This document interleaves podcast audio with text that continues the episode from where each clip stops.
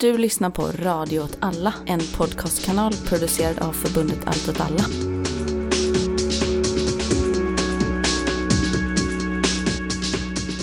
You have been weighed. You have been measured. And you absolutely have been found wanting.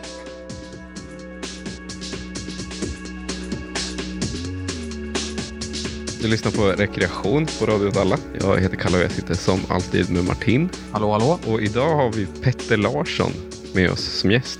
Ja, hej. Du är väl framförallt känd som journalist. Jag, jag känner igen dig från Sydsvenskan. Ja, jag skriver i Sydsvenskan, eller HD Sydsvenskan får man väl säga, och i Aftonbladet. Eh, Det är väl mina två huvudtidningar och sen lite annat etc. och sådär. Men jag har också skrivit några böcker Ja. eh, med långa mellanrum får man väl säga.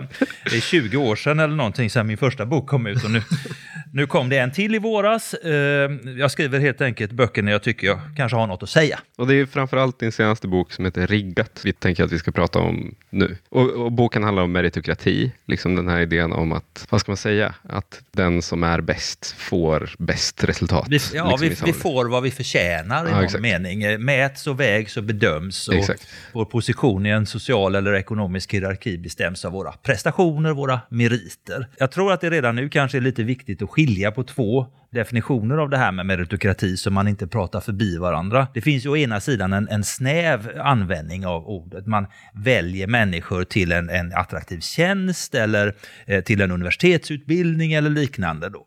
Och då går man på meriter. Man går inte på utseende, kontaktnät, eh, kön, eh, hudfärg och så vidare. Och där finns ju en progressiv eh, historia kring meritokrati, den här snäva meningen. Men jag pratar om det i boken som en samhällsordning, ett samhällssystem. Där jag menar att allt fler har börjat tro att samhället faktiskt är inordnat på det här viset, att vi på något sätt får vad vi förtjänar. Men eh, du sa där att du skriver böcker när du tycker du har någonting att säga. Och i boken så beskriver du till exempel, jättekul forskning var det ju om engelska adelsnamn från början av 1000-talet. Och så upptäckte man att de fortfarande var liksom aktuella idag på Oxford och så. Men varför just nu? Varför skriver jag den här boken just nu? Och inte då 1455? eller 1560 Ja, det- 1922? Det finns väl några några olika typer av svar på den frågan. Mitt intresse specifikt för det här eh, väcktes egentligen med den här kulturbarnsdebatten. Ja, nej, för några år Nepo sedan. babies. Ja, Nepo Babies kom faktiskt, begreppet underbart begrepp. eh, men det kom faktiskt senare, då var jag klar. Men det var en tidigare debatt på samma tema. Alltså barn till kulturarbetare och journalister som själva skrev på kultursidorna, som ju jag också gör. Jag reagerade på den där debatten för jag tyckte den var lite dum ibland och, och naiv. Men i samband med det så satte jag mig också in lite grann i vad nutida eh, svensk forskning säger om social rörlighet, alltså möjligheten till klassresor upp och ner och sådär. Och då träffade jag på uppgifter som eh, gjorde att jag häpnade lite grann. Jag blev själv förvånad. Och då tänkte jag att ja, men om jag blir förvånad efter alla dessa år av samhällsjournalistik så kommer andra också att bli det. Så det var väl motiveringen på sätt och vis för att skriva den här eh, boken, eller startskottet. Sen hörde jag också till saken. Jag hade lite för lite jobb, min hund dog, jag Ja, hade oceaner av tid. Plötsligt, sånt spelar också roll. Mm. För det är ju en ganska stor del av boken. Det är ju bara att eh, liksom, dekonstruera idén om att vi lever med metrokrati. Och det, jag tycker det är mest spännande när jag läste den, för jag också marinerad ju i, i någon form av kritiskt samhällstänkande kanske. Men att jag ändå blev så när jag läste om klassresor, alltså när vi pratar om min föräldrageneration blir det ju,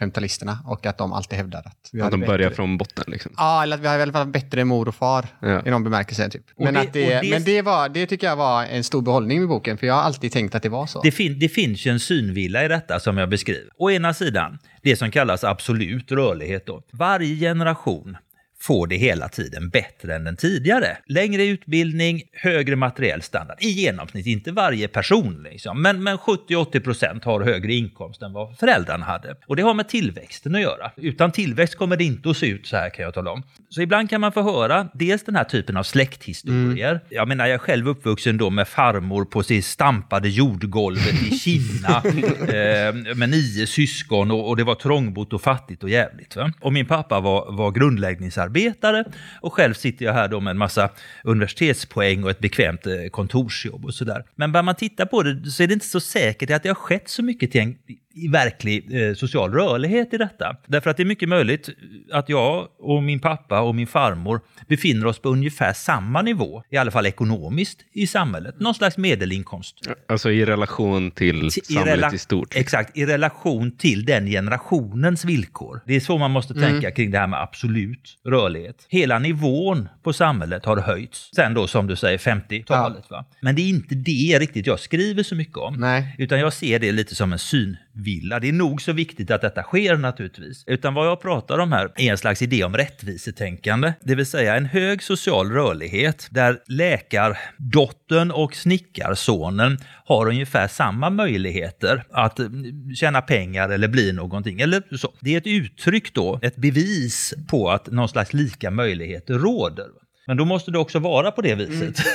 så att eh, det här med klassresor och meritokrati hänger liksom ihop med idén om lika möjligheter ganska mycket. Vår kultur är genomsyrad av de här berättelserna på olika sätt. Vi får det i romanform, folk som berättar, det är Patrik Lundberg, Åsa Linderborg och ja, Ronny Ambjörnsson, den stora eh, genom, genombrottsboken liksom på 90-talet. Vi får det i radio, vi får det i, i kändispersoner av olika slag. Och de där är ju undantagen som gör det möjligt för oss att tro eh, på någon slags ja, klassresemöjligheter för alla. Pierre Bourdieu, den franske sociologen, kallar dem för de, de mirakulösa. De som startar med två tomma händer och uppfyller liksom någon slags amerikansk eh, dröm på riktigt och verkligen gör det. Där det inte är liksom dolda fördelar, utan det här, är- det här är liksom på riktigt. De får oss att tro att det är möjligt också för oss. Liksom. Trots att statistiken idag säger att ja, en lite mer rejäl klassresa då, säg från de fattigaste 20 procenten till de rikaste 20 procenten, alltså städarens eh, dotter som eh, kanske blir ingenjör eller läkare eller sådär. Den resan gör ungefär en på 8, 12, 13 procent sådär under efterkrigstiden. Hur det ser ut idag riktigt vet vi inte. Jag tror att det är färre än så, jag har goda skäl att tro det. Jag tror att det har blivit svårare att göra en klassresa i Sverige de senaste 30 åren eller så. En, en författare som vi har intervjuat, Keir Milburn, som skrev boken Generation Left. Jag vet inte om du läste den. Nix. Men han, han pratar ju om att vara, att vara fattig på två olika sätt. Du är antingen fattig i dina inkomster, alltså att du har låg inkomst, eller så är du fattig i dina tillgångar. Liksom. Alltså att du inte äger saker som är värda något. Och det är två, två lite olika typer av Inkomster och förmögenheter. Ja, exakt. alltså, och, och, och liksom, eh, den ena kan bli den andra och vice versa. Liksom. Mm. Men att det de senaste 15-20 åren så är det väldigt tydligt eh, att folk har lägre tillgång till tillgångar. Liksom. Ja, för, förmögenhetskoncentration skulle Ja, jag bra. kalla det. Ja. Och, och det kan man väl tänka är en grej som spelar in i det här liksom, ganska mycket. Ja, alltså det, det är ställt utom tvekan att om man pratar om den ökande ojämlikheten de senaste 30 åren i Sverige så är det ju en ökad ojämlikhet i och för sig i inkomst, men inte i lön. Alltså lönestrukturen har hållits ihop ganska bra i det här landet. Mycket tack vare starka fackföreningar. Så att skillnaden i lön mellan säg en, en undersköterska och en läkare var ungefär densamma kring 1990 som den är idag. Utan det som har hänt är att en liten ägande grupp, några procent av befolkningen,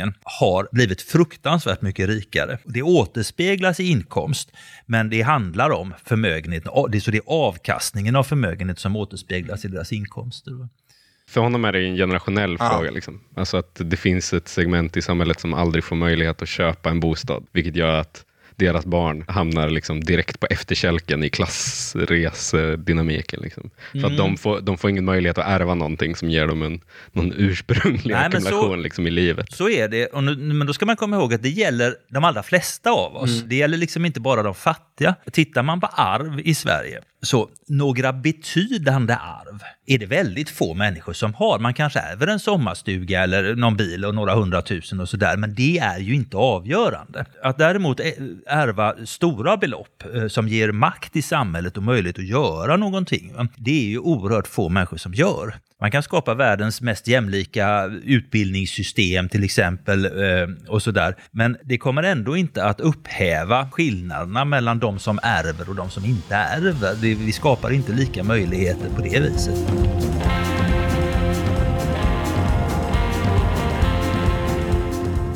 I boken så också argumenterar du för att metrokrati, eller ideologin kring metrokrati, kan man uttrycka sig så? Ja, jag, jag, kunna- kallar, jag kallar det för meritokratism. Tron Men- på meritokratin. Men att ja. den i sig är ett hinder för jämställdhet? Ja, ja, nu kommer jag till det stora bedrägeriet. Det, det är bra. Bear with me, säger jag.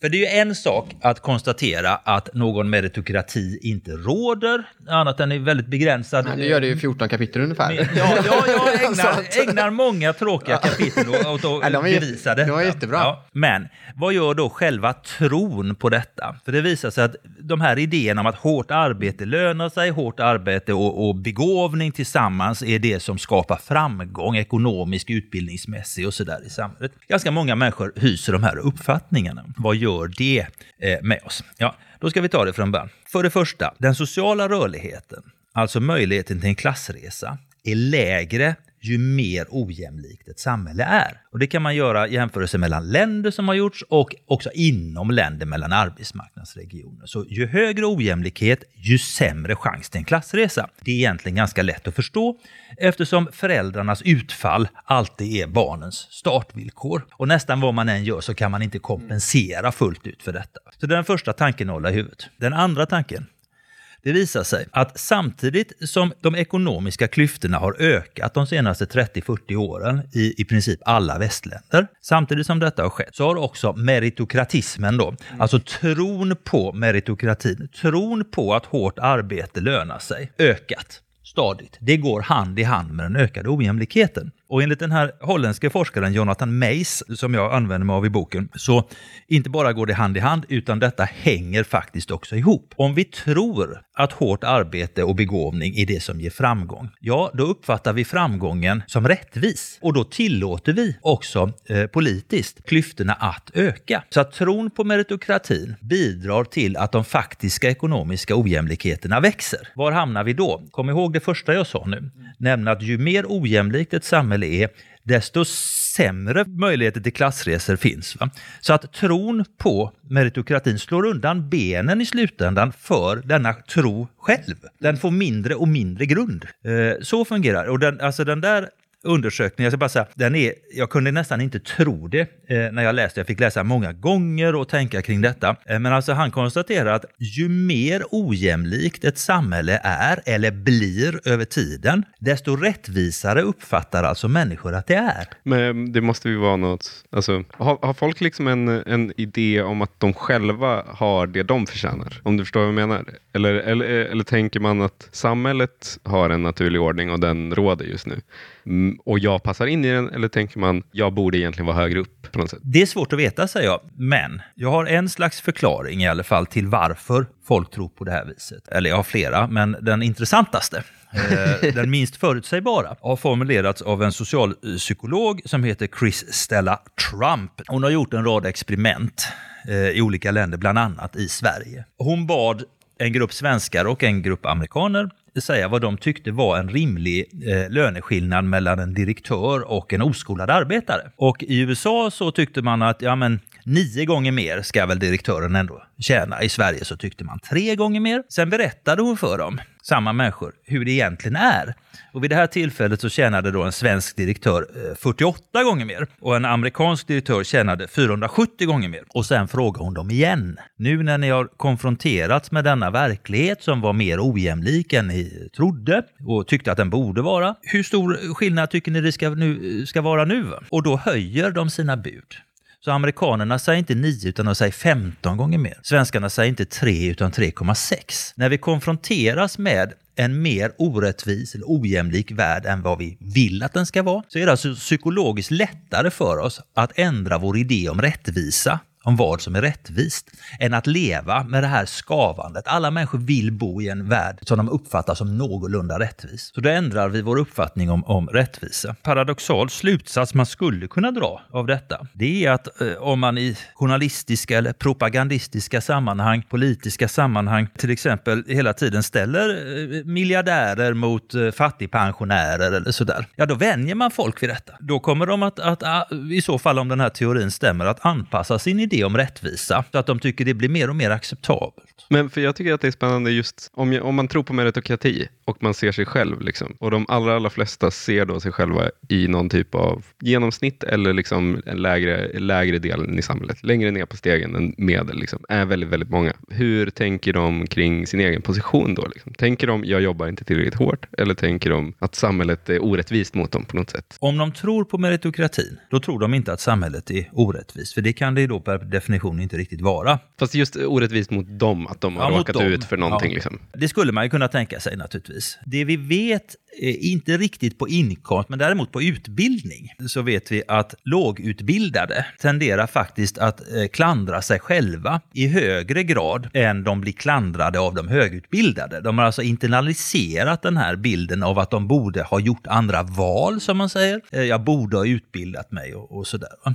Så det är en effekt och en av de mest tragiska eh, effekterna om ni frågar mig. Att man känner sig inte orättvist behandlad eh, eller förtryckt, utan det tenderar att internaliseras som en självklarhet om man, om man delar de här idéerna. Man klandrar sig själv eh, mer än samhället. Man skulle ju också kunna tänka sig att det är att man eh, hela tiden kan bortförklara sin egen lott med att man strävar efter en högre lott. Så att man inte är där just nu, men... Mm, Mellan arbete. Ja, precis. Nej, men också, du vet, bara jag går med i den här bitcoin-scam-grejen här så kommer jag bli en av de här 1% rika. Eller bara jag gör Jag det här behöver bara... hitta olika hacks. Ja, olika att det också knep, blir liksom. en... Eh, Det finns, det, finns, Mekanism. att det finns en del som tyder, så kan det säkert vara, men det finns också en del som tyder på att det här med att eh, om man har barn eller inte spelar roll. Om det nu inte har gått riktigt så bra som man tycker att man kanske skulle förtjäna av olika skäl, va? så kan man ändå hoppas på att det ska gå bra för barnen. Det fanns någon ny studie som inte är med i boken som jag läste som lite grann gick ut på det, där de enda som liksom hade en realistisk, kan vi säga, uppfattning om, om möjligheterna till klassresor och sådär. Ja, det var eh, barnlösa över 55 år. Ja, det är sådana som jag, helt enkelt. Mm. Vi ser att vi har ingen möjlighet att göra någon eh, större förändring själva. Vi är för gamla för det och vi har inga barn att hoppas på. Där uppstår ett slags klarsyn.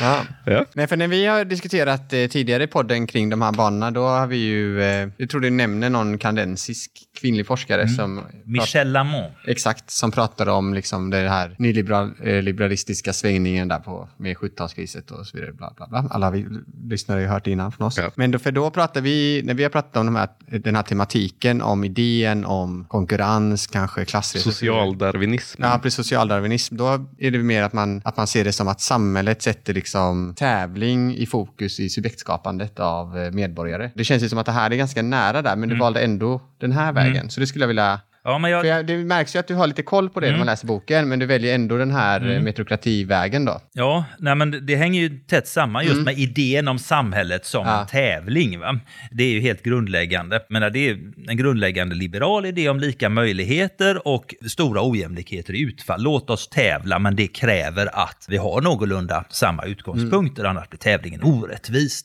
Så, och det där tycker jag har accentuerats under de senaste decennierna. Att det har blivit mycket mer, dels mer tävling och mätande och dels ännu mer individualiserat. Det är verkligen individen, den enskilde, som ska åstadkomma eh, detta eh, fantastiska sprinterlopp eller vad det då handlar om. Och det finns naturligtvis vissa värden. Hon, Michelle Lamont talar om det som nyliberala värden. Jag talar om det mer som meritokratiska värden. Vi menar väl ungefär samma sak. Man ska vara aktiv är väldigt viktigt. Man ska vara driftig, en entreprenörstyp i någon mening. Va? Klara sig själv, vara en slags hel individ, en, nästan en Robinson Crusoe alltså, som går fram genom, genom eh, livet.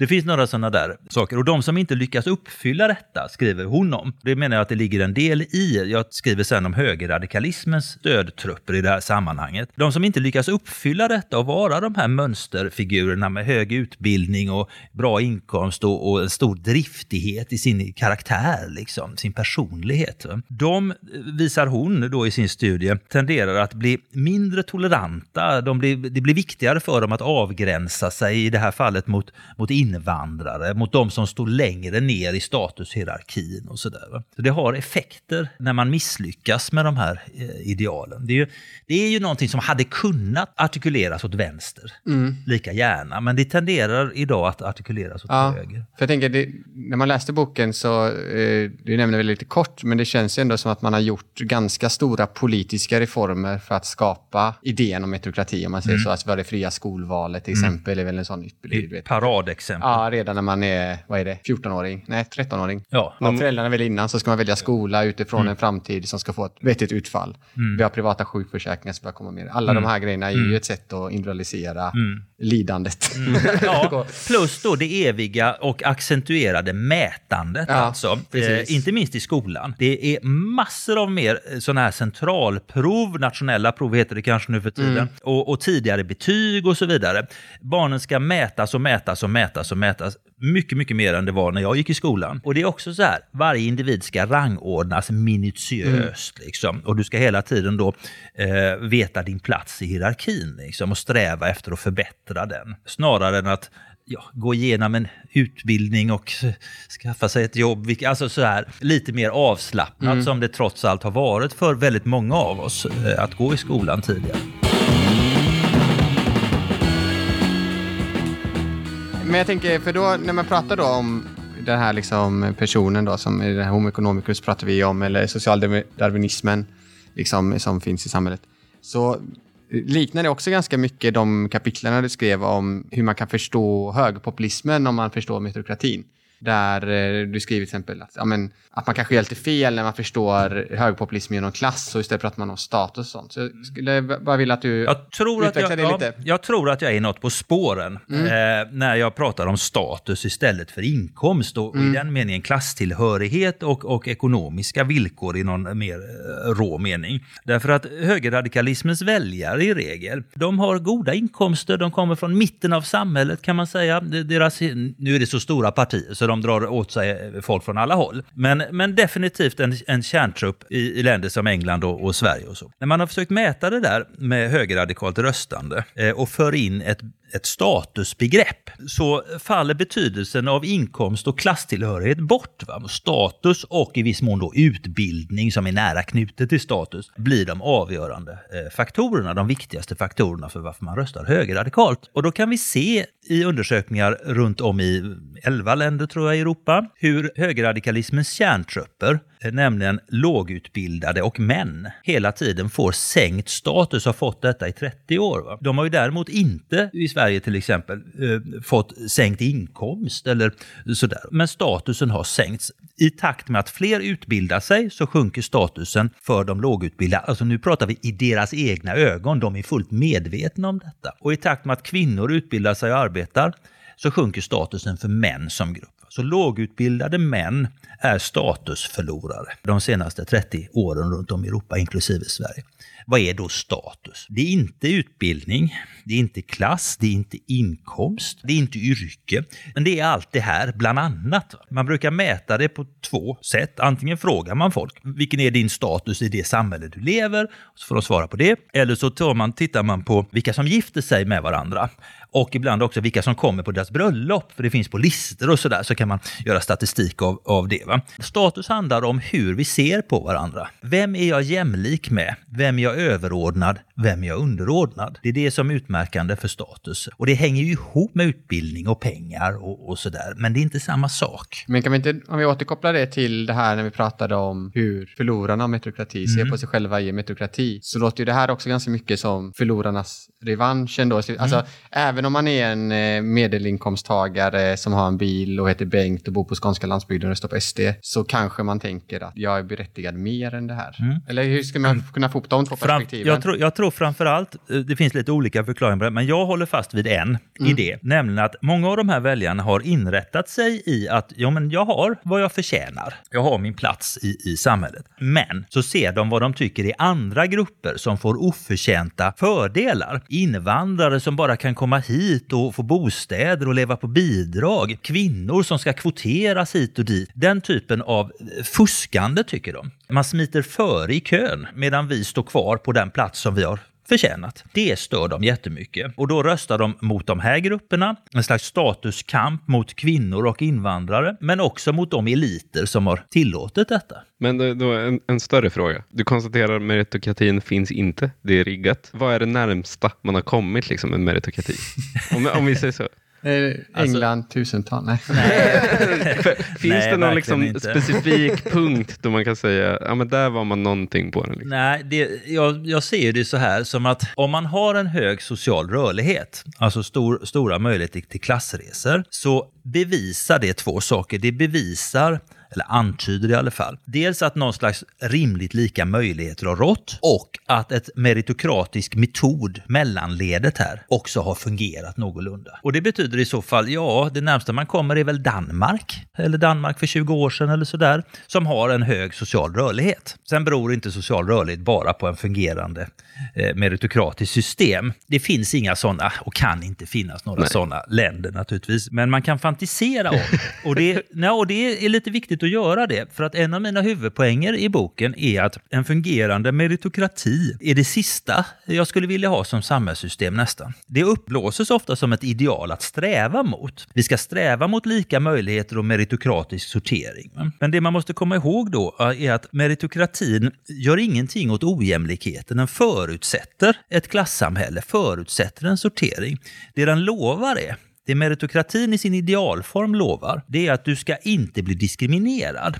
Din sociala bakgrund ska inte spela någon roll. Ditt kön ska inte spela någon roll. Din sexuella läggning ska, och så vidare. Man säger att de begåvade och de som arbetar hårt, det är de som ska få de framskjutna positionerna. Men det förutsätter hela tiden att några andra ska få de dåliga positionerna. Så det gör ingenting åt ojämlikheten, det gör ingenting åt hierarkin. Tvärtom vill jag då kanske påstå att det vore ett olidligt samhälle att leva i. Just eftersom om vi leker med tanken då att detta faktiskt skulle genomföras så skulle alla vara nöjda med sin lott. Ingen skulle ha rätt att klaga, känna sig orättfärdigt behandlad för ni har testats och vägts och mätts och de bästa styr. Mm. Det här är som en Platons staten. Liksom. Ja, det, ja, Platon är inne på dessa tankar.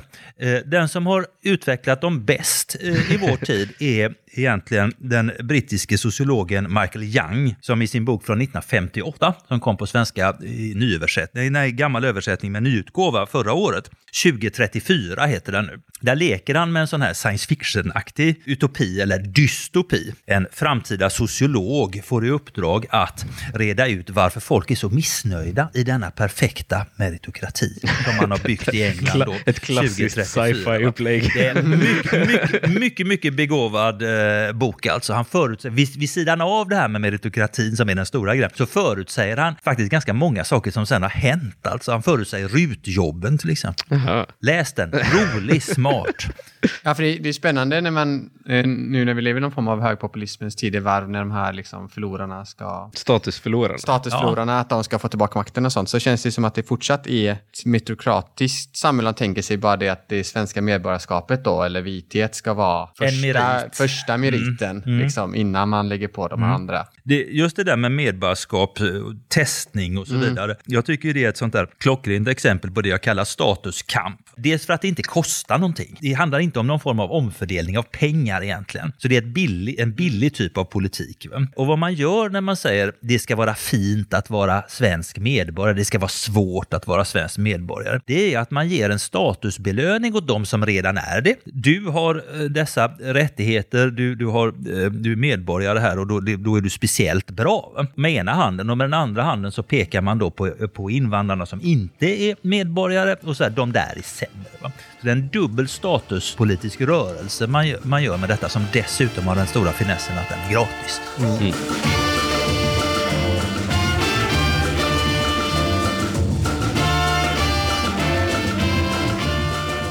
Det känns ju som att när man funderar på metrokratiska reformer och sådär så finns det ju alltid en disciplinär dimension på något sätt. Alltså det finns ju alltid också en, som du tar upp de här testerna. För att få folk att göra testerna så måste det finnas en konsekvens om man är dålig på testerna. Med medborgarskapet så är det för konsekvens att inte ha medborgarskapet. Ett bra exempel är väl de afghanska ensamkommande där liksom diskursen kring dem lite har ändrats. Men då säger De man senaste dagarna. de senaste dagarna, precis. Men då säger man också det är tack vare att de tvingades på det här sättet in i en metrokratisk svensk form på något sätt. Och kunde precis- konkurrera med varandra, behålla sin liksom, gymnasieplats. Därför kunna, nu kan de vara... De offrade sig och flyttade till Norrland. Eh, väl- precis, nu kan de vara liksom, fungerande medborgare. Alla måste kunna offra sig och flytta till Deras Norrland. är man inte barnbarns Det var ju, barnbarn kanske ja, blir nej, men rika. det, det var ju ett fruktansvärt pris att betala. Att behöva flytta till Malå. Nej, nej, men, nej, men att separeras från sina familjer. Ja. Eh, naturligtvis. Va? Ett, ett alldeles för högt pris. Men man kommer i en slags direktinslussning. De kommer rätt in i skolan. Och det visar sig att folk som kommer och mer eller mindre då, ju tidigare man kommer till svenskt skolsystem, desto mer lik de infödda är, är Ja. man. Liksom. Om man har tillbringat hela sitt liv i den svenska skolan, eller hela skolgången, så spelar det ingen roll om man är född utomlands. Liksom. Man klarar skolan lika bra ändå. Och de kommer ofta då också till svenska familjer, eh, får en direktkontakt eh, med svenskar som många andra invandrare har jättesvårt att få. Så de har fått på det sättet en hård eh, läxa. De har tvingats att, att förändra sig dramatiskt naturligtvis. Va? Men de har också fått den här möjligheten då Mm. eh, att försvenskas i någon mening snabbare än, än andra. Liksom. För, de, för nu argumenterar ju samma rasister då kring de som, titta här, om man tvingar folk att göra rätt val så får det rätt utfall. Så jag menar, det är ju också en del i Ja. hela den här tankegången Mm. kring konkurrens och Ja. vad det gör. Ja, ja det, det kan absolut användas just Mm. repressivt på det Ja. viset, självklart. Det finns inte så mycket studier på invandrare, därför att eh, vad gäller det här med social rörlighet, klassresor och så, därför att det är, eh, har varit för svårt att eh, leta upp registeruppgifter i Mm. andra länder och sådär. Man måste ju titta, vad, vilka var föräldrarna då också? Ja. Men det finns en stor studie eh, med 200 000 personer som tyder på att invandrare, i alla fall under perioden då födda 50 till 80, har en betydligt högre social rörlighet, både uppåt och neråt, än vad infödda har. Och det har med de här kapade banden att göra. Det vill säga man lyfts ur både sin sociala miljö, sin släktgemenskap och så vidare och sin geografiska miljö. Både tvingas och får möjligheten att uppfinna sig själv i, i en, en, ett nytt sammanhang.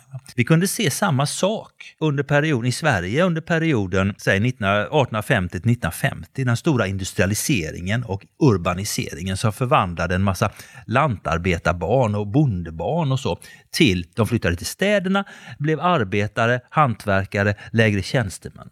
Kom att likna sina föräldrar allt mindre. De slets ur sin miljö. Allting som handlar om det här med social rörlighet och klassresor, man måste förstå det, vill man maximera detta, då måste man bryta, ba, bryta banden mellan barn och föräldrar. Det låter fruktansvärt, men, men det är enda vägen liksom. Ja, men det är det Alexandra Kollontaj avskaffa familjen Ja. Liksom. Barnkrubbor. Ja, Kommunistiska barnkrubbor. Ja, och det, ingen vill nog leva i ett sånt samhälle. Eller? Ehm, ja, det har, jag har träffat på folk. Ja, men man, kan- man, kan tänka, man kan tänka sig det, att naturligtvis staten kidnappar alla spädbarn, uppfostrar dem kollektivt och efter sådär. Va? Föräldrarna får vinka åt dem var fjortonde dag genom någon glasögon. Den politiker som föreslår något sånt eh, skulle eh, leva ungefär tre minuter till, tror jag. Vore oerhört impopulärt naturligtvis. Men det finns ju saker åt det hållet som vi redan har gjort och som går att göra mer av. Dagis är väl en... Ja, dagis ja skolan. hela skolan är ju detta eh, till att börja med. Dagis, man kan, vill man öka den sociala rörligheten, alltså luckra banden mellan föräldrar och barn lite grann, då kan man införa obligatorisk förskola från tidiga år, från två år eller tre år eller sådär. Mm. Det skulle förmodligen ha en viss effekt. Och mer eh, roliga aktiviteter för barn på bibliotek och sådana saker. Eller, Ja, eh, om vi ja. skapar ett reform, reformprogram här nu. Ja, ja. Men, men kom då ihåg att det stora reformprogrammet, visst ska man försöka öka möjligheterna till klassresor och liksom på något sätt jämna ut eh, möjligheterna för barnen. Men det stora projektet eh, kan inte vara detta, för det är inte möjligt. Vi kan lite bättre kan Sverige bli. Vi kan bli som Danmark, eller lite till kanske. Men det är inte möjligt att skapa lika möjligheter. Och det stora projektet, nu måste vi komma ihåg det här, med att klassresorna, den sociala rörligheten, är aldrig någon lösning på ojämlikheten. För det förutsätter hela tiden en ojämlikhet. va? Nej, det är Eh, st- stora fastighetsska- eller förmögenhetsskatter och fastighetsskatter och arvsskatter Ja. som jämnar ut. Ja, utjämning Ja. eh, i bred mening. Liksom. Som, alltså, vill, man, vill man skapa jämlikhet, då ska man skapa jämlikhet, inte gå vägen om social rörlighet. Så reformprogrammet är nu förmögenhetsskatt, pengarna går till Drag Queen Story Hour. Ja. Ja, kapitalskatter i bred mening måste vi återinföra. Ja. Eh, Det, det tror jag är oerhört centralt. Men eh, om man, eh, för du, vi kanske inte behöver prata så mycket, du beskriver i boken en del sådana liksom, politiska reformer, men om man skulle, kan tänka sig en politisk rörelse som skulle mobilisera mobilisera i ett samhälle som vårt då, som präglas av den här meritokratiska liksom, idén. Vad skulle man kunna mobilisera utifrån? Låt säga då att status har liksom blivit en central konflikt i, i det politiska livet och klass liksom inte riktigt fungerar längre på samma sätt och sådär. Om man tänker då, absolut, man kan ju liksom försöka skapa rörelse kring att skapa bättre och mer fungerande skatter. Men vad, vad, vad skulle liksom det visionära tilltaget vara? Vad skulle vara det som fick liksom någon att bara... Ja, Den jag, här tävlingen är skit liksom. ja jag, jag är rädd att den här idén om lika möjligheter är så förankrad idag. Eh, Jag tycker att jag har mött det ännu mer när jag har varit ute och föreläst om boken, va? även i liksom progressiva eh, sammanhang. När frågorna kommer och det man vill prata om sen, då är det hur skapar vi mer lika möjligheter och högre social rörlighet. Kan det vara för att du har träffat många högutbildade nu när jag läst din bok? väldigt Så kan det vara. Så kan det mycket väl de tror vara. ju mer på det. Ja, ja, det gör de. Ja, Extremt bra Högutbildade tror mer på det och, lokaliserat. och, och klassresenärer tror jag också Det är, själva det mycket är på. Det gick det väldigt för mig sällan man kan liksom sätta dit någon på det där sättet. Ja, men det, det ligger säkert något i detta. Om man vill göra någonting som ett slags första steg då i alla fall, va? som faktiskt skulle kunna förena meritokrater, liberala meritokrater kallar jag dem, med socialister, så vore det ju att ge sig på arvsrätten på något sätt. För det borde vara olidligt för en meritokrat med arvsrätten. De tycker ju att det ska vara, allt ska vara individens eget verk. Det ska vara det egna hårda arbetet och den egna begåvningen som ger avkastning. Va? Alltså borde arvsrätten vara, vara fullständigt oacceptabel för dem. Och det tycker ju socialister också att den är. Vi har ju en situation nu när några få procent av befolkningen har betydande arv. Och det skulle man kunna mobilisera mot. För det skulle, tror jag, kunna förena väldigt stora grupper i samhället. Eh, som sen skulle splittras eh, när vi börjar prata andra saker. Men, Ska- men ska just, på den, just på den punkten liksom. De kommunistiska barnkrubborna. Ska gå till kommunistiska barnklubbar. Liksom. Då, då tror jag, jag tror att du tappar några där. For he was weighed in the balance and found wanting. Hur fångar man upp de som i liksom utopiska ögonblick kan syna bluffen? Liksom? För det är det, när vi, vi pratade mycket om det här efter valet, när det kom lite så undersökningar som var nu pratar om generation höger och lalala. Och då var ju en, liksom en förklaring man kan tänka sig där är ju att de är helt marinerade i det här. Alltså fruktansvärt marinerade på ett sätt som, som vi nog har svårt att relatera till. Och att de bara egentligen kanske har upplevt socialdemokratiska regeringar, skulle jag säga. Makten har varit socialdemokratisk. Ja, det också. Och det finns sådana saker också. Men jag tror, jag tror att en vill- en viktig del är just att man, alltså att man verkligen föraktar förlorare liksom, Ja. på något sätt. Att man har lärt sig göra det genom alla de här testen liksom, och alla val man har fått göra. Och frågan är då liksom, om man inte kan vinna ungdomen kring sin sak så Ja, nej, jag, det är jag lite förstår. som är Det är, det är inte enkelt. Nej. Jag, jag har inga riktigt bra svar på detta. fan också. Eh, tyvärr, tyvärr. Ehm, hade jag varit det hade jag kanske Nej, blivit poli- vi- politiker. får vi söka vidare Eh, här? men- ja, ni får leta vidare. Vem är det som står nästa Nej, men jag, jag tror att du har rätt. Det, både på så vis att det handlar om, om en generation som har stöpts i, i det här med individualism och valfrihet och satsa på dig själv väldigt mycket. Va? De grupperna fanns ju även när jag var ung på 80-talet, men de var ju mer extremister då. Liksom. Eh, eh, Men sen handlar det också, tror jag, om att vara ung. Det kan vara oerhört provocerande naturligtvis att bli nedslagen av statistiska klubbor. Det, det här kommer inte att gå för dig. Och det vill man inte höra liksom. Och det finns något fint i det. eh, Att man inte låter sig definieras från början. Liksom, Utan man tycker man har livet framför sig och, och sådär. Va? Jag tycker väl när man pratar med mer vuxna människor när man börjar skrapa på det så är alla medvetna om att spelet är riggat. Vi har inte några lika villkor. Vi har olika för och nackdelar som vi föds med. För därför att man har erfarenheten av att ha sett det. Liksom. Exakt. Men de erfarenheterna har kanske inte ungdomar på samma Nej. sätt. Nej. I den meningen finns det hopp eftersom ungdom är ett övergående stadium. Men, men för jag, jag tänker ju att det man behöver verkligen är ett, ett, någon typ av eh, politiskt projekt som bara nedmonterar alltihopa och, och är så, det är okej att vara en fuck-up. Liksom. Jag tror att det finns en mobiliserande kraft i det, att säga att det är lugnt att vara en förlorare. Liksom. Jag, tror, Mm. jag tror just det här med att spela med, eller så, som du pratade om, att, att liksom skapa lika möjligheter. Och, att, att, eh, och jag tror att det projektet också är dödfött. Liksom. Jag tror att en del av varför liksom, ungdomen blivit höger är för att det enda, d- den enda berättelse som finns är antingen att, att liksom, vi borde ha ett system som är meritokratiskt eller att vi har det. Ja, ja. Tilläggas unga män. Ja. Jo. Får vi tillägga för Ja, det, här. Så att, det, det, det intressanta och, det, och, och tragiska med den här nya politiska uppdelningen bland, bland ungdomar, eller unga människor ska jag säga, det är ju att kvinnorna är så väldigt vänster och männen så väldigt höger. Och jag kan nästan gråta över det, för det är de här människorna som ska bilda par med varandra. Liksom. Oftast. Ja. Inte alltid.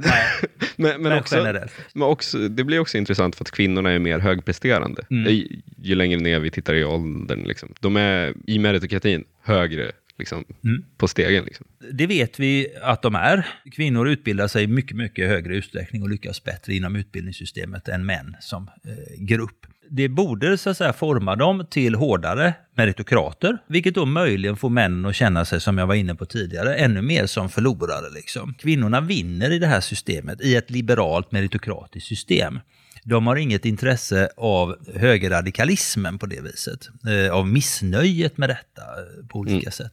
Så skulle man kunna resonera. Mm. För samtidigt så är det ju, för det går ju du också igenom boken, du går igenom liksom den, den totala liksom, förmögenhetskoncentrationen till väldigt få procent i samhället, då är ju de män. Ja, så är det.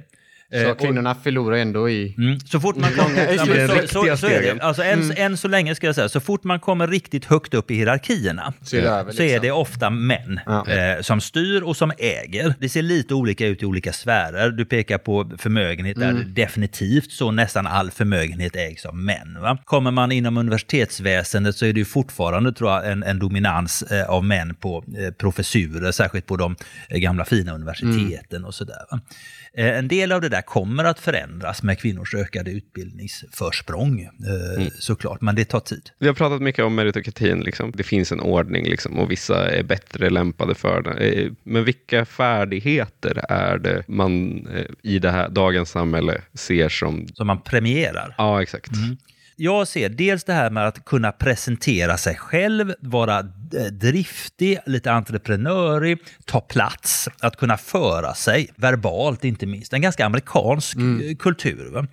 Eh, Det är viktigt. Men sen har du den gamla liksom rena råa meritokratin. Du ska prestera bra på test och i skolan. Liksom. Och då finns det de som menar att det här är två väldigt olika saker. Att det här med självpresentation, det är liksom inte en meritokratisk dygd, utan det ska vara det här rena, råa eh, på något sätt. Men det finns andra, och jag tillhör dem, som menar att man ska nog se det här med självrepresentationen som en utvidgad eh, meritokratisk, eh, alltså en merit helt enkelt i sig självt. Va? Man blir en slags ledartyp som Mikael Holmqvist eh, skriver om. va? Detta värderas högt och jag har precis läst en avhandling då om en gymnasieskola i Stockholm, en sån här elitgymnasieskola, där eleverna är ju fruktansvärt högpresterande. Va? Men det räknas också på sätt och vis som en merit just att ta plats i klassrummet, vara ledande i elevkåren, den typen av saker. Så den kombinationen är väl det som värderas högt. Du ska vara väl meriterad akademiskt om man säger så, i tester och prov och sådär.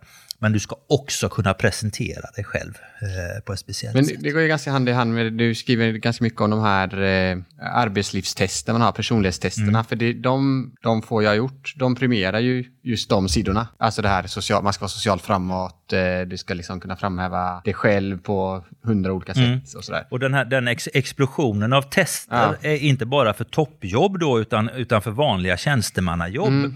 Eh, det tycker jag ju är ett sånt där tydligt exempel på en slags meritokratisering av samhället. Eh, För de, som de bygger ju genomgår. inte på liksom, hårt sliten inmatad kunskap kring någonting. Utan Nej. det är ju det är ju helt andra värden Ja, som ja. de mäter. ja. Liksom. Självrepresentation Mäter, och, och just som du säger, liksom, att man ska kunna ja, vara lätt att samarbeta med, initiativrik ska man gärna vara och sådär. Mm. Är inte det också lite paradoxalt? För är inte det min erfarenhet av att befinna mig i samhället är att det är de typer av beteenden som är bäst. Liksom. Det som hjälpt mig mest, det är att vara flexibel, absolut, gentemot min omvärld, men också inte så initiativrik, utan liksom anpassningsbar. Liksom. Du ska inte vara så initiativrik, men du ska säga saker som Du ska säga att du Jag är är initiativrik. agil. Men, men ska man verkligen vara så agil? Liksom? Är inte det... Talk the talk. Det beror Ja. nog på vilken, pos- vilken position man tänker sig att man ska Ja. vara. Va? Om man pratar om de här, ja, de som definierar egentligen eh, idéerna kring meritokrati, det vill säga de, de välutbildade och framgångsrika, det är ju liksom på något sätt deras kriterier och det är de som framstår som de lyckade i det här samhället. De är rika, de är välutbildade. De vill vara detta. Och det sätter sig för många andra också att så här ska man vara. De vill vara ett slags ledare och eller då väldigt skickliga på något sätt eh, med, riktiga meritokrater. De kan en massa liksom och de arbetar hårt och så. Men helst ska man ha den här kombinationen, då blir man riktigt framgångsrik. Jag kan tänka mig att chefer skickar så mycket på ledarskapsutbildningar och så vidare som de gör idag. Liksom. Eller jag kan tänka mig att det var så för 20-30 år sedan att man var liksom, om man var chef mellannivå i en svensk kommun som var tvungen att gå på hur många ledarskapsutbildningar som helst och sådär. Ja. Jag, jag tänker ändå att det, och det visar väl på något sätt vad det är man tänker ska premieras i Ja. samhället. Jag gillar ju min chef väldigt mycket, men min chef vill ju hela tiden prata om eh, Agila arbetssätt. Nej, men så, vad heter det? När man utvecklar sin egen kompetens, liksom. kompetensutveckling heter det. Ja. och, att, och att det ska vara är liksom det centrala vid löneförhandling varje år. Mm. Så, hur har du kompetensutvecklats? Liksom? Men det har vi också varit inne på i tidigare poddar, men jag tänker just att det här eh, ständiga självutvecklandet också Ja. är metrokratiskt. Ja, man ska hela tiden man ska, sträva efter Man ska aldrig bättre, kunna liksom. sitta Nej. still. Sådär. Nej. Om du kan fyra språk så är det bäst att kunna fem. Ja, Ja. ja. nej, men så är det. det. Det tror jag absolut. Liksom. Hela tiden delta i tävlingen. Liksom. Sen ska jag säga om cheferna, jag tror att det, inte ett helt nytt, men att det, det har nog spridits mer och mer eh, under de senaste decennierna, det är att det finns en slags chef, chefer, alltså de, de kan gå in i nästan vilken verksamhet som helst Ja. va? Eh, och vara chefer, för det är det de kan. Det, det var nog mer ovanligt förr, utan där krävdes det ändå att man inte kom ur, men att man förstod sig på verksamheten. Men nu kan man plocka en chef eh, varifrån som helst och sätta någon annanstans. Liksom, och för att det är chefandet i sig själv de, eh, de kan. va. Jag har en eh, kompis i min familj som har en rostfri avgassystemfirma i Mölndal. och han är chef då. Ja, han är chef då. Men, och då sa han en gång till mig, ja, du är ju lite som mig, du kan ju ingenting. Du var slit av allting. Så du borde kanske vara chef. Ja, för, fördelen på ett sätt med att ha de här chefscheferna, det är att det har funnits ett tidigare problem. Det är om man plockar upp de som är bäst i organisationen. Eh, och så gör man dem till chefer. Och så får de inte göra det de är bra på, utan de blir halvdana chefer istället. Och det är ju också ett problem. Men En, en annan bra grej med liksom de här helt utbytbara cheferna, det är ju att de ganska lätt kommer kunna ut, bytas ut med artificiella intelligenser. Det kommer säkert att kunna ske Det, ibland. Ja. det, det kommer, det, det, den grejen tror jag också kommer bli intressant att se i relation till meritokratin. Liksom. Det är väl meritokratins dödgrävare. Ja, men på, på många sätt är det ju liksom, för, för det de gör är just sådana här övre hälften av liksom, i, i hierarkiens liksom, uppgifter. Görs ju av de här stora språkmodellerna. Liksom. Det kommer ju vara väldigt spännande att se om man kommer behöva skapa en ny typ av meritokrati. Liksom. Men- Nya typer av, liksom, vad är det dygdiga i den? Men är man inte då på väg dit att om man tänker att den här eh, sociala kompetensen, eller man ska säga, alltså det här hur man tar ett rum, hur man håller föredrag, alltså att det är ett sätt att kompensera också för att kunskap är ju ingenting längre. Nej, Nej. allting och finns också, på Wikipedia. också kanske kan man ju tänka sig då ett mått av moralisk kompetens eh, som maskinerna ju har svårt att uppbåda. Va? Hänsynstagande till eh, de underställda, eh, den typen av... Vi har ju också hela den här diskursen kring inklusion och öppna arbetsplatser och icke-diskriminering och så vidare. En slags moralisk kompetens som cheferna kanske kan besitta men inte maskinerna. Så jag tänker man kan hitta saker, hitta sätt, Att- fortsätta många att, chefer. Att skapa en ny hierarki. eh, Ja. Liksom. Ja. Nej, absolut. Ja, låt oss alla bli chefer. Och med de orden, Ja, men det är drömsamhället. det är drömsamhället. Att alla blir chefer Man, med väx, höga man växer upp i en liten inkubator. Och blir man lär chef. aldrig känna igen sin mamma. Det jag, det jag tänker mig att man sådär i bildligt talat kanske skulle kunna uppnå är ju att jag tänker mig att man skulle kunna vattna ur det sociala arvet, som jag Ja. uttrycker det. Det vill säga att vi behöver inte belöna olika positioner i samhället så ojämlikt som vi gör. Då spelar det sociala arvet inte så stor roll. Alltså det vill säga läkardottern kommer oftare att bli läkare än alla andra barn ändå. Va? Och det är svårt att göra någonting åt. Men läkardottern behöver inte ha tre gånger så hög lön som undersköterskan. Jag tror då också att vi kanske folk skulle snegla mindre kanske på status och, och eh, pengabelöningar och mer åtminstone följa sin håg och sin lämplighet. Så att eh, kanske till och med skulle få bättre läkare och bättre journalister och sådär. Ja, för folk gör något de tycker är kul. Ja, ja, givande på andra vis. Så kulturbarnen slipper bli kulturarbetare. Ja, de kommer säkert att vara det oftare än andra, absolut. Eh, Men ja, de slipper bli kulturarbetare. Det är en bra vision. Ja.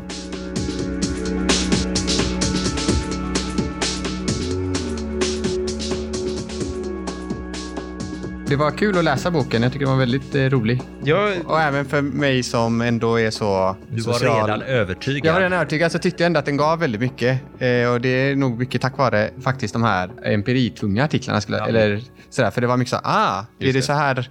Och det var, det jag kommer ihåg bäst, det var särskilt här om forskningen kring eh, engelska, liksom. Normanderna, ja. normanderna, Mm. att man hittar dem Det fortsatt i överrepresentation. Alltså det var så spännande och med Kina också, att trots Mm. den socialistiska revolutionen, trots att man avrättade rätt många från den gamla överklassen, så är de fortfarande på elitposition. Ja. Alltså det säger ju no- alltså det Ja, var väldigt roligt att Ja, läsa. det, det är min favorithistoria också just om normanderna. Eh, för det är, det är fascinerande eh, att se de här oerhört sega strukturerna över hundratals Mm. år. jag tänkte på det, jag tänkte på min egen släkt då, i min svenska sida av släkten som är just någon form av småborgarskap. Liksom. Och så funderar jag lite, och man kan följa dem rätt långt bak. Och då kan man ju faktiskt se exakt det mönstret som beskrivs i boken, att de har ju bara rört sig sidled. Någon gång har någon ploppat upp lite kanske, eller ploppat ner lite, men i stort sett har alla liksom fortsatt varit ingenjörer. Typ. Ja, i hög utsträckning. Ja. Alltså, I mycket högre utsträckning än vi vill tro Ja, att det är verkligen. så är det nog så. Ja. Mm. Nej, så det var väldigt givande. Mm, Det är samma sak med handelsmännen i Florens. De, Ja. de som uppfann handel och uppfann kapitalismen på något sätt. De är fortfarande- Det är samma gäng. Liksom. Ja, ja. Bourdieu gjorde ju någon studie på den franska makteliten någon gång. Eh, Just släkter då, familjer som de kallar det. Eh, Och konstaterade att det är ju i stort sett var samma människor som besatt både förmögenheter och akademiska positioner och eh, politiska positioner. Det var samma släkter till väldigt stor del som före den franska revolutionen. Mm. Men man borde köpa boken. Ja, och den heter Riggat. Men det man framförallt borde göra, det är väl att beställa den till sitt bibliotek. Eh, Den kommer att finnas ett ex på alla bibliotek. Det är så redan? Ja, så är det. Eh, Den har fått statligt stöd till detta. Alla får samma förutsättningar. ja, precis. Lika villkor. Så minst ett ex kommer nu i december att finnas Jaha. på alla bibliotek. Det finns som e-bok då, kan jag säga. Den, ja, den finns också som e-bok. Beställ gärna fler, fråga efter den på biblioteken. Dels för att det är viktigt att det här kommer ut naturligtvis. Biblioteken behöver ha en hög utlåningsstatistik eh, så de inte läggs ner. Och vi författare får, jag tror det är någon krona eller något sånt där per utlån. Sen är, är det väl också, om jag var författare, det har jag inga ambitioner att vara, då hade jag ändå tyckt att det kändes gott i magen att veta. Jag tänker också i rent sån sann metrokratisk anda så är det gött för den tjänstemannen som har som uppgift att följa utlåningstakten, att kunna visa för sin chef att man Ja, uppnår det här ja, och på det sättet klättrar i hierarkin. Nej, men jag, jag är tänker- lite allvarlig. Det, det är ju inte bara ego som får mig att tänka. Jag satt och tittade på utlåning. Man kan inte följa hela staden. Man kan titta på enskilda bibliotek och så kan man Ja. se hur många de har köpt in och hur många står i kö och sådär. Eh, och framförallt då Göteborg. De köpte ju in två ex från början eller något sånt där och sen ställde sig folk i kö en masse. Va? Så då köpte de 10 till och 10 till och så. Va? Så nu har de köpt 28 exemplar till Göteborg. Eh, det är nog mest i land liksom. och det beror på att folk har velat ha den. Det är väldigt roligt ju. Ja, det, det värmer. Liksom det värmer att komma ut, eh, nu ska jag inte, vad var det, var jag var någonstans nu? Tomelilla tror jag det var, i somras.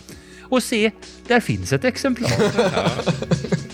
Ja, Men eh, med det så- men tack så mycket för att du besökte vår lilla podd. Ja, tack själva.